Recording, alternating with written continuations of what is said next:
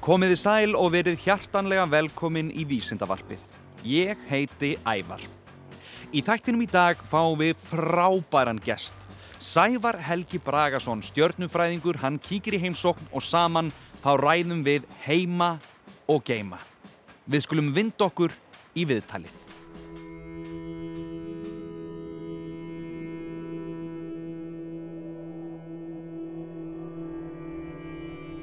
Hingað er komin góður gestur Sævar Helgi Bragason, stjörnufræðingur og margt fleira. Velkomin. Takk kærlega fyrir. Svona fyrst við bara strax bara byrjum á því að spyrja bara hver er þú? Ég heiti sem sagt Sævar Helgi Bragason og er formaður stjórnuskunafélag Seltjarnanes með meiru, rittstýrilega vef sem heitir stjórnufræði.is og geimurinn.is. Árið 2015 þá gáfum við eh, öllum grunnskólanemyndum á Íslandi og kennurum solmyrkvagleiru og það er sennilega flesti sem kannast við mig úr þeim ævintýrum öllum. Emitt. Og hvernig, svo að því þú nefndir alveg nokkra hlutið þarna, hvernig virkar stjörnuskoðunarfélag? Stjórnuskunafélagi er bara svona samansapna uh, fólki sem hefur áhugað því að glópa til heimins, fylgjast með stjórnunum og fræðast um heimingeimin, bara svona í öllu sínu veldi og við höfum í hverju meinasta mánuðu fund, félagsfund, þar sem allir sem eru í félaginu er að sjálfsögðu hjartanlega velkominir og ræðum um eitthvað sem tengist áhuga málun okkar og svo stundum fyrir við þetta í stjórnusskoðun og reynum að skoða eitthvað sem við höfum ekki séð áður eða skoðum bara það sem við höfum, erum ofta að horfa eins og Júpiter eða Tungliði eða Saturnus eða eitthvað svo leiðis. En er ekkit erfitt að vera með stjörnuskoðunarfélag á Íslandi til dæmis á sumrin? Jú, það er mjög erfitt vegna þess að við sjáum náttúrulega ekki til stjarnar svona í þrjámánuð ári, sérska. E einmitt, hvað gerum maður þá? Þá skoðum við bara nálegastu stjörnuna sem er að svolítið sólinn. Ah. Við erum nefnilega með sólarsjónuga og notum svona síur eins og orði í sólmyrkvagleirunum til þess að eh, skoða sólinn almennilega. Það getur sér sólbletti og svo erum við sjónuga sem getur sínt ykkur sólgós og þess að þar. Þannig að sólinn er rosalega svona lifand og skemmtilegt fyrir bara að skoða. En maður þarf að fara rosalega varlega í það og alls ekki gera það, alls ekki horfa sóluna með sjónuga nema að viti nákvæmlega hvað maður er að gera og sé með viðegandi síur. Og hvernig virka þessar síur? Þá hleypa þær bara í gegn svona einum hundrað þúsundast af ljósunu. Vá. Þannig að þetta, þú horfir í gegnum þetta, bara eins og þið munið eftir með sólumökkaglerun, ef maður mm horfir í gegnum glerun þá ser maður ekki neitt. En ef maður horfir á sólun hins vegar, þá blasir hún við. Hún bara, uh, síurnar dempa ljósu svona rosalega mikið. Og það er einu leginn til þessi örugt að horfa á hans að skadi sér augun. Og hvernig er, er, er bara eitt stjórnarskoðunarfélag á Íslandi sem eru sællætanissi eða er út um all land? Þeir eru nokkur, það er félagi Vestmannheim til dæmis, mm -hmm. svo er til félagi á Bifröst, svo er einnig félagi á Akureyri sem heitir stjórnótafélagið og svo er svona áhugaðan fólk hér og þar um út um allt land sem bæði er í okkar félagi eða einhverjum öðrum en að minnstu hvort er svona til einhver hópu sem hefur gaman því að horfa til himins. Og getur hver sem eru orðið félagi eða þarf maður að hafa alveg einstakka þekkingu á, á heimingeiminum eða hvernig virka það? Það er engi skiliri, eina, eina skiliri kannski er það að hafa áhuga á þessu. Það skiptir engum máli hvað maður er gamall eða, eða hvort maður er strákur eða stelpa. Þetta er opið fyrir alla og þetta er áhuga mál fyrir alla stráku stelpur og fullta stelpum í þessum, þessum félagskap líka. Og hvernig virkar það þegar þið farið í þessar stjórnusskoðunarferðir á, á veturna þar að segja mm -hmm. og þegar maður sér stjórnunar og það er, það er fallegt kvöld, hvað gerir þið? Þá uh, tökum við náttúrulega sjóninga með okkur og svo býðum við eftir því að sjóningarnir er kaldir og svona því að ef það eru heitir þá getur hiti stíðu upp og þá svona, kemur svona eins og tíbrá svona eins og þegar maður horfir yfir kertaloga þá fer allt á hreyfingu. Já. þannig að við þurfum að geta þess en svo bara þegar sjóningarnir er kaldir og góðir þá getum við farið að horfa hérna miljónir ljósara út í geiminu og einhverju vetarbröti sem við sjáum aftur til tíma risaðalina eða eitthvað svo leis Nú verður að stoppa hans Þetta verður að útskýra, hvernig getum maður farið og hort upp í heiminin og séð til tíma risaðalina Já, það sjónungar er svolítið svo tímavel og það vegna þess að alltaf þegar við horfum til heimins þá erum við að horfa svo langt aftur baki tíman að því að fyrirbærið er svo langt bur, uh, langt í burtu að ljósi frá þeim er kannski mörg miljónir, marga miljónir ára að berast okkur. Þannig að við getum til dæmis hort á vetrarbraut sem er svona kerfin sem við búum í, mm -hmm. samansap fullt af stjórnum og solkerfum. Uh, við getum skoða vetrarbrauti sem eru kannski 65 miljón ljósára fjarlægð og það þýðir þá að við erum að horfa 65 miljónir ára aftur í tíman til þess tíma þegar, eða þannig leiti vetrarbrautin út þegar risaðalinn út út eitthvað svo leiðis. Það lengsta sem ég hef séð er 300 miljón ára aftur í tíman. Það er frábært. Það er svolítið mikið. Það er svolítið flott, þú getur bara haft það sem svona, þú sett á ferilskrána þeina, eða svona leinda hæfileika. Viss, vissulega, vissulega. Ég er alltaf að reyna að sjá ennþá lengir aftur eins og þar. Og draumurinn er að sjá eitthvað svona fyrirbæri sem er kannski 2-3 miljardar ljósóri í burtu. Ég vil ennþá lengir aftur þess tíma áður en jörðin var til. Við getum meira svo hort svo langt aftur. Það lengst að við sjáum er 13,8 miljardar ára hvorki meirinu minna. Og hvernig getum maður séð svo langt aftur í tíma? Með upplústu sjónungum í heiminum. Sjóningar er svo Hubble-sjóningin sem er á sveimum jörðina. Og svo erum við svona svolítið skrítna sjóningar sem er heita örbylgisjóningar og þá er þeir að nema ljós sem er rosalega kallt og það er kannski skrifti hvernig ljós getur verið kallt þar að þetta er ljós sem er best frá köldustu hlutum í heiminum. Og það er með svo rosalega lága svona bylgjulengt Mhm. að það færist yfir ekki sínilegt ljósið sem við sjáum hér allir kringum okkur heldur svona örbylgjur sem eru sögum bylgjur bara og eru í örbylgjöfnunum Vá, stórmerkjöld og, þetta, og þið, þið eruð að, að rannsaka þessa hluti í þessum, þessum göngum. Og eru margir sem eru að mæta? Já, það er oft ágætis mæting. Og eh, þegar við bjóðum í stjórnarskoðun þá mæta, pff, við hefum fengið þúsund manns og jafnvel ennþá fleiri. Vá, og alltaf stærsta stjórnupartíð var að auðvitað í mars 2015 þegar við kíktum á sólmyrkvan það er svolítið þegar nánast a- öll þjóðum var að horfa til heimins í einu. Nákvæmlega. Og gott að þú nefndir þetta því mér langaði nefnilega að spyrja út í þetta. Það var eiginlega svolítið þér að þakka að hérna að við gátum horta á sjónug, nei, gátum að horta á sólmyrkvað Já, ég fekk þessa furðulegu hugmynd einhver tíman í ágúst-september 2014 Já. því að ég lág andvaka einhverju nóttinu og var að velta fyrir mér hm, hvernig getum við látið alla eins marg og við mögulega getum fylgist með þessu sjónaspili sem er rosalega fallet að sjá tungli fara fyrir sólina og myrkvana að hluta til mm -hmm. og þetta var mesti myrkvi sem hefur orðið á Íslandi síðan 1954 þannig að það var ærin ástæð til þess að reyna að gera og allt í henni kviknaði eitthvað ljós og ég bara herði ef við getum nú bara fjármagna það að kaupa sólmyrkvagleru handa öllum grunnskólanemyndum á Íslandi þá getum við búið til bara eitt svona stærsta vísinda miðluna verkefni og vonandi bara hvart krakka til þess að hafa áhuga á vísindum og kveikt einhvern áhuga svona svipa eins og þú ert að gera.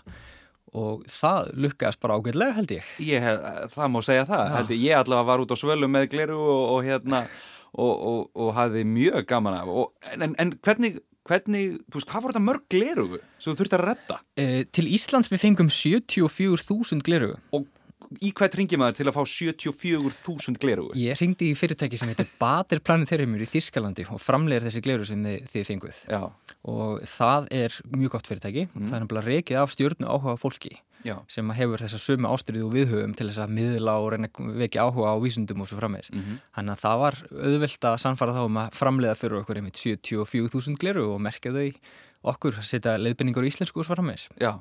Og við vorum stærsti stakki kaupandinn af gle- glerugum í, í Evrópu og heiminum á þeim tíma þannig að Vá. það býst nú gott og það fengu, það voru allir uh, grunnskóla nefndur var það ekki sem fengu Jú, allir grunnskólanemndur og allir starfsmenn skólana líka Einmitt. hefðu þetta fæða svona nokkurnin allir við þurftum stundum aðeins að svona draga úr kannski því að það voru takmarkuð takmarku fjöldi búið sko. emitt, emitt og svo náttúrulega vildum við líka helst gefa leikskólanum Mhm. en það bara voru ekki til peninga til þess að fjármagna það fyrir alla Nei, og þið gáfuð glerun Já, og við gáum öll glerun nema við notuðum nokkur svona eftir á til þess að einmitt selja bara og hafa upp í kostnæðin til þess að við, að ég ætlaði bara að borga þetta sjálfur Já. þegar staðan var í janúar þá var ekki engin styrkur komin Já, og ég sagði bara, eh, herri, þá bara borga ég þetta sjálfur af því mér fannst þetta svo ótrúlega mikilvægt og spennandi verkefni. Mm en sem betur fyrir kom ekki til þess og stjórnumskunarfélagið átti nokkuð digran sjóð Já. þannig að við gáttum látið það borga að mestu leiti og, og svo svona rettaði ég hinn og þessu. Og ég sitt uppi með smá reikning en það er allt í lagi. Þetta var þessu virði. Já. En þetta er ekki eini sólmyrkvin sem þú hefur séð vegna Nei. þess að í mars 2016 þá eldirðu sól, sólmyrkva, ekki satt? Það passar, ég fór allaleg til Indonésiu á samt tveimur öðrum vinum mínum í langt ferðalagi, ferðalagi tók heil, heilar eh, 31 klukkustund til þess að komast akkurat á hárréttan stað þess að við getum verið undir skugga tungsins Vá, og býtu, og það, er það flugvél allan, alla leiðina eða? Við fyrstum að millirenda, Já. nokkur sinnum, við flugum sérst til Katar sem er í miðausturlöndum. Mhm. svo flugum við þaðan til Jakarta í Indonésiu þar tók við, síðan við flug til eigjar sem heitir Ternate sem er rétt fyrir hún Ástralju þar síðan tók við sigling á aðræju og þaðan tók við 5 klukkutíma bílferð og þaðan tók síðan við klukkutíma uh, siglingi viðbót. Vá, þetta er býst að langt ferðalag en alveg þessu virði. Og hvers vegna voru þið alltaf þennan sól, sólmyrkva? Uh, Þetta var þá svona almyrkvi, í fyrra höfðu það sem kallast deildarmyrkvi, þar sé að þá fer tungli fyrir sólun en myrkvarinn ekki alveg, all, alveg. Það er svona pínlítil sigð eftir sem við sáum í fyrra. Þannig að það var ennþá nokkuð bjart hjá okkur jafnvel þó að dimdi rosalega mikið, við bara tókum ekki eftir því.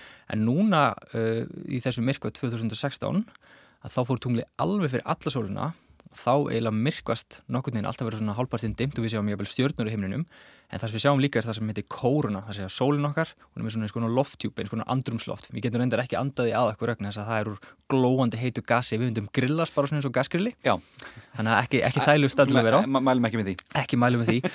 En það er rosalega fallegt og út úr þessari kórunu streymir gas sem heitir solvindur og það veldur norðurljósunum þannig að við erum, í raun og að sjá upprunna á norðurljósuna þegar við erum að skoða almyrk og sólinni. Vá, og svo sáum við líka svona sólgós sem að tegðu þessu út frá henni. Þetta var alveg ótrúlega magna sjónaspil og það ættu allir að reyna að sjá eitthvað svona einhvern tímann í, framtíðinni.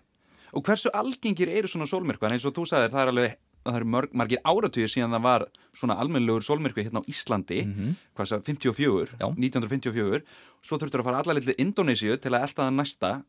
Hvenar, hvenar er vona á, á þeim þriðja í þessari? Þriðja, það- já, það nefnum vonum að spyrja, það fer eftir hvað maður býr. Já. Því að sól, sólmörkva sjást nefnilega fara rosalega afmörku svæðu jörðinni. Það er svona, svona langt á milli. Til dæmis í Reykjavík, það er svona meðaltali kannski svona 400 ár á milli þess að sjá almörku á sólinni frá Reykjavík. Vá, eitthvað svo leiðis og stundum er það lengra bil, stundum er það stittra, fer bara allt yfir því hvernig upprunin er. Uh, næsti almyrkvi sem verður á jörðinni verður, uh, næstu almyrkvar sem að verða núna næstu árin er uh, í ágúst 2017, þar fyrir þvertu við Bandaríkin, svo verður myrkvi í Chile 2019, svo verður myrkvi í Argentínu 2020, Suðskvöldslandi 2021 já, og svo árið 2024 verður aftur Bandaríkin og Mexiko, 2026 þá verður Ísland já, Já, þá verður almyrkvi í Reykjavík og næsti almyrkvi þar og eftir verður ekki fyrir, fyrir árið 2196. já, þannig að við kannski mælum með því að fólk bara byrja að taka daginn frá. Ég, ég held að sé, það er alveg, alveg þessi verið. Myrkvinn 2026, hann gengur í gegnum Vestfyrði og Snæfellsnes og Reykjaneskagan. Þannig að fólk í Reykjavík sér myrkva og sömulegis fólk sem býr á þessum slóðum. Ef maður býr aðeins fyrir austan þetta svæði, að þá sér maður svona dilda myrkva eins og við sáum í fyrra. Já, þannig að þeir sem að eiga ennþá glerugun sín, að geima þau. Já, það er, já, ef þú fekst að eiga glirauðinni þá myndi ég einmitt geima þau því þau verða ennþá dýrar og ennþá heitari varningur hérna 2026, það, það er nokkuð ljóst. Einmitt, og líka einmitt skólarnir sem að kannski er einhverju skólar hlusta og einmitt hafa glerugun ennþá, að þá hérna einmitt að setja þau og geima þau á góðum stað. Að nákvæmlega, myrkvinni árið 2026 verður eh, 12. ágúst og við veitum nákvæmlega upp á sekundu hvernig hann hefst og svo frammeins, þannig að hann verður setnipartinn 12. ágúst 2026 og það má alveg búist því það verður mikið um dýrðir hér, ekki spurning. En hvernig óskopunum er hægt að reikna eitthvað út svona ótrúlega langan tíma fram í tíman? Já, það er eh, nema múnum að spyrja því að þetta er allt saman starffræði að mestu leiti og starffræði og skilningur bara á lögmálum uh, Newtons sem að snúast uh, bara þingda lögmáli og þess að þar og sömulegis að vita það hversu lengi tunglir er að fara í kringum jörðina og hvar allir þessi snettir verða á ákveðnum tíma. Þannig að þetta er, við vitum það nákvæmlega að þið við erum búin að læra það í gegnum tíðina. Það er bara regla í þessu öllu saman. Mm -hmm. og við getum notað það til grundvölda þess að reikna út myrkva mörg þúsund ár fram í tíman jábel Þannig að starffræði tengist alveg beint inn í stjörnfræði. Já, starffræði er hérna tungumál vísindana og sérstaklega raunvísinda að sjálfsögðu uh, og í eðlisfræði þá náttúrulega reiknar út fullt af hlutum og getur spáð fyrir um hluti en til þess að skilja náttúruna þá þurfum við náttúrulega að skilja starffræði því að hún talar við okkur í gegnum star- starffræðina og þess vegna er náttúrulega mikilvægt að læra starffræði fyrsta lagi og sömulegis bara til þess að geta svona starfað í samfélagina því maður þarf alltaf að reikna eitthvað Já, já. þannig að maður er aldrei gera neitt gagslust ef maður er að læra starffræði, ég maður, maður haldi það Nei, nei, svo þarf maður líka stundum bara að reikna með hlutum og svona. Nákvæmlega, fyrir, fyrir utan það Fyrir utan það. Þannig, en, en varstu góður í starffræði þegar þú varst lítill? Nei, ég hef alltaf verið átt í freka miklum erfiðleikum með starffræði nefnilega. Einmitt, en Og- ert samt sem aður núna aðal stjörnumfræði gaurinn? Já, svona, ef svo má segja. Ég, ég get sagt það. Ég, ég myndi aldrei segja að ég var góður í starffræði, Nei. en, en hérna, það eru margir aðri sem ég þekki sem eru virkilega góður í starffræði. Maður þarf kannski held- heldur ekkit að vera rosalega góður í starffræði til þess að verða vísindamæður. Þú þarf fyrst og fremst að hafa rosalega mikið áhuga á ástriði fyrir, fyrir því sem þetta gera. Annars þú ætlar að vera atvinnumæður í fótbolta, þú þarf bara að æfa þig og, Mhm. og æfa þig og æfa þig meira. Einmitt. og það er fullt árum hlutum í náttúrunni og heiminum líka sem eru jafnvel ennþá áhugaverðari en bara fylgi hjartanu og ástriðinu þá kemur þetta allt saman þannig ekki hafa ágjör af því ef þú hefur ekki, ekki góður í starffræði núna Einmitt.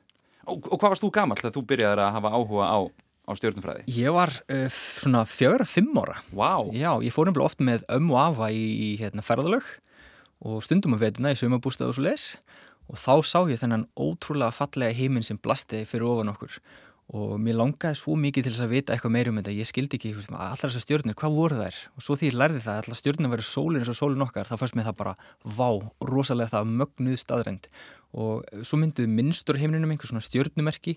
Ekki bara þá svo spurningu svo að fyrst að þetta var allt saman sólir en kannski eru það einhverja plánutur í kringum þessar sólir og einhver önnur jörð þá það sem einhver annar ég innan gesa lappa að horfa til heimins og velta nákvæmlega því saman fyrir mér þannig að þetta er svona smá sem hann vatt upp á sig og svo því ég var svona átt ára þá kíkti ég í sjónuga í fyrsta skipti Já. hjá frænda minnum og svo Saturnus sem er reikistjörnum með ringana Mm og þá var bara ekkert aftur snúið það er bara það allra glæsilegsta sem ég sé í gegnum sjónuga Áttu sjónauka sjálfur núna? ég á sjónuga, já Áttu marga eða einn æðislega? Ég á einn æðislegan. Ég er nefnilega eignast núna fyrir jólin 2015. Þá eignast ég uh, draumasjóningar mín. ég var búin að býða eftir húnum í næstu tíu ár. Vá, Já, þannig að hann er framleitur í svo rosalega takmörku upplægi og það er átta ára byggtími eftir honum. vá. Þannig að ég eignast þann sjóningu loksins og það er svona sjóningi sem ég hef dreymt um alla æfi. Og, og hvað er það sem gerir þennan sjónauka betri heldur en aðra sjónauka? Það eru linsunar í honum. Þetta eru svona linsusjóningi Mm. sem er svona ein, bara pípa með linsu framann í Mhm. og linsan er rosalega vönduð. Þannig að all, allt sem maður sér í gegnum sjóningin er alveg kristaltært og nánast þeir sem maður sé á staðinum. Og það er það sem maður er svolítið að leita eftir. Maður vil fá fallega mynd af alheiminum í gegnum sjóningin sinn. Vá, og það fyrir svolítið eftir því bara verði hversu, hversu góð myndin er eins og maður kannast við. En með litlum og einföldum ódýrum sjóningum er hægt að sjá alveg ótrúlega margt. Og alveg það og ég er að sjá nema ég kannski leita eftir einhverju pínu litlu meira. Já, en með litlum sjóningum, bara handsjóningum er hægt að sjá til dæmis tunglin sem að snúast í kringum Júpiter sem er alveg magna að hugsa, hugsa út í. Og giga á tunglinu og geimþokkur og vetrarbreytir jafnvel, þannig að maður getur séð ótrúlega margt bara með handsjóningu eða litlum sjóningum stjörnusjóningum. Það er magna. Uh, vefsíðunar tvær sem að, þú ert að skrifa fyrir og stendur fyrir, það er uh, gamerum.is sem er örlítið svona einfaldari Mm og svo er það stjörnufræði.is. Já, geimurum.is er svo svona krakka vætni vefur Mm -hmm. og þá ákvæði ég að taka þann pól í hæðina vegna þess að ég les svo- svolítið mikið á svona kennslubókum Mhm. og þá sá ég nefnilega að í kennslubókum er aldrei, okkur aldrei sagt hvernig við vitum hlutina okkur er bara sagt hvað við vitum og það, og það er ekkert rosalega skemmt, skemmtilegt það er oft rosalega skemmtilega sögur á bak við það hvernig við komumst að og þessu og hvernig við vitum að sólinn er svona heit og sólinn langt í burtu Einmitt. þannig að á krakkavefnum, gamerum.is er þannig svona spurningum svarað stjórnfræði.is er svona meira kannski fyrir fullorna, Mhm. en samt fyrir alla Mhm. að sjálfsög og það er svona alfræði vefur um hitt og þetta, það er greinar um sólkerfið og stjórnusskoðun og, og vetarbreytir og alheimin og ég veit ekki hvað hvað og fréttir af hinn og þessu Frábært. Sævar Helgi Bragason, stjörnufræðingur, takk kærlega fyrir heimsóknina. Takk kærlega fyrir mig og takk fyrir frábæna þátt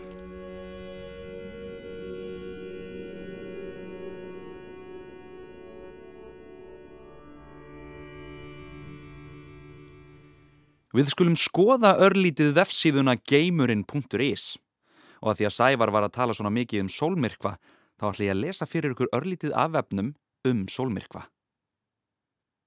Í bókinni Fangarnir í sólhofinu standaðir Tinni, Kolbeitt Kafteinn og professor Vandráður frammi fyrir því að verða brendir á báli.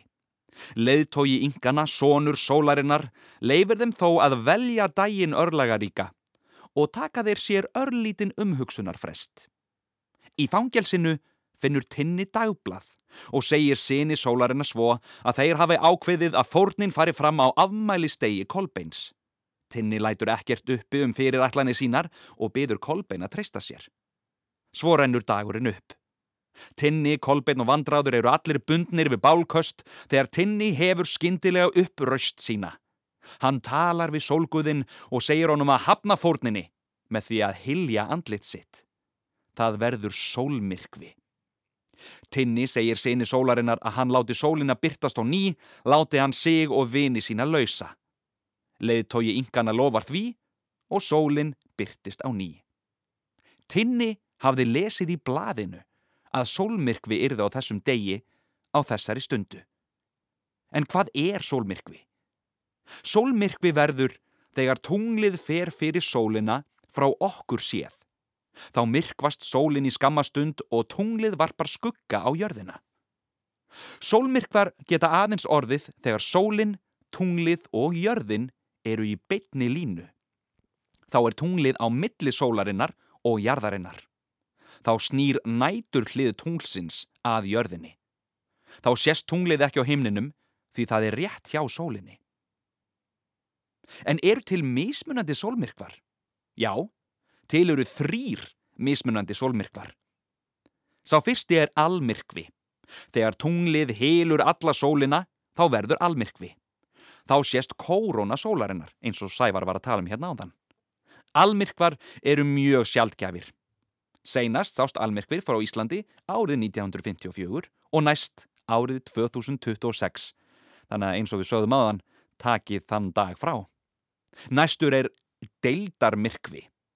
Þegar tunglið fer fyrir hluta sólarinnar og næri ekki að myrkvana alla, verður deildarmyrkvi. Og síðasturinn ekki sístur er ringmyrkvi. Stundum er tunglið aðeins ofan langt frá jörðinni til að myrkva alla sólina og þá verður ringmyrkvi. Næst sést ringmyrkvi frá Íslandi árið 48. Þættinum er lokið. Ég vil sérstaklega þakka Sævari Helga Braga sinni fyrir innlitið og segja ykkur aftur að fara inn á vefsíðuna gamerin.is. Þið geti líka kíkt inn á vefsíðu þáttarins krakkarúf.is skástrygg ævar. Þetta er ævar vísindamadur, yfir og út.